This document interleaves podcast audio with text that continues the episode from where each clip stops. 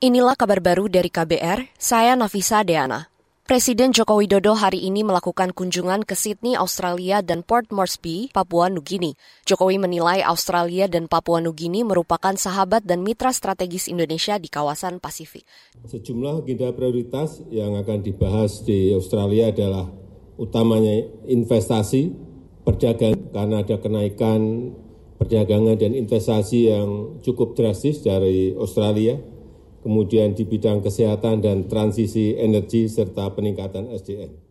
Presiden Jokowi diagendakan menghadiri rangkaian pertemuan bersama Perdana Menteri Australia Anthony Albanese. Selain menghadiri agenda rutin yang dilaksanakan oleh kedua pemimpin tersebut, Jokowi juga akan bertemu dengan Gubernur Jenderal Australia David Hurley serta sejumlah pemimpin perusahaan di Australia.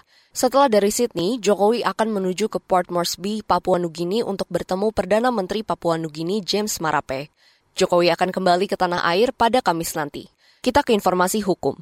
Menteri Pemuda dan Olahraga Menpora Dito Aryo Tejo mengatakan pemanggilan Kejaksaan Agung hari ini bak gayung bersambut.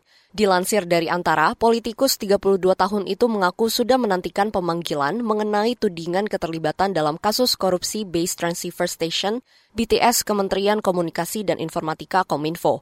Menurut Dito, sejak awal dirinya sudah ingin mengklarifikasi tuduhan itu sebagai saksi di Kejagung. Sebelumnya penyidik Jaksa Agung Muda Tindak Pidana Khusus Jampitsus Kejaksaan Agung Febri Adriansyah menyebut, Dito diperiksa sebagai saksi dalam penyidikan dugaan korupsi penyediaan BTS. Kejaksaan Agung menetapkan delapan orang tersangka dalam perkara yang merugikan keuangan negara 8,3 triliun rupiah. Beralih ke informasi lain, Ekonomi biru berpotensi menjadi mesin baru pertumbuhan di kawasan Asia Tenggara ASEAN. Hal itu disampaikan Kepala Badan Perencanaan Pembangunan Nasional atau Bappenas Suharso Mono Arfa. Ekonomi biru merupakan pembangunan ekonomi berbasis sektor kelautan. Ekonomi merupakan potensi besar di Asia Tenggara karena lebih dari 66 persen seluruh area Asia Tenggara adalah samudra dan lautan.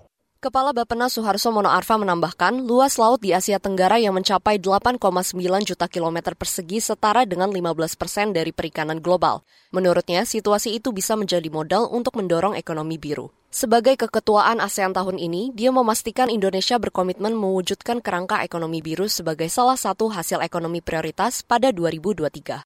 Demikian kabar baru dari KBR, saya Nafisa Deana.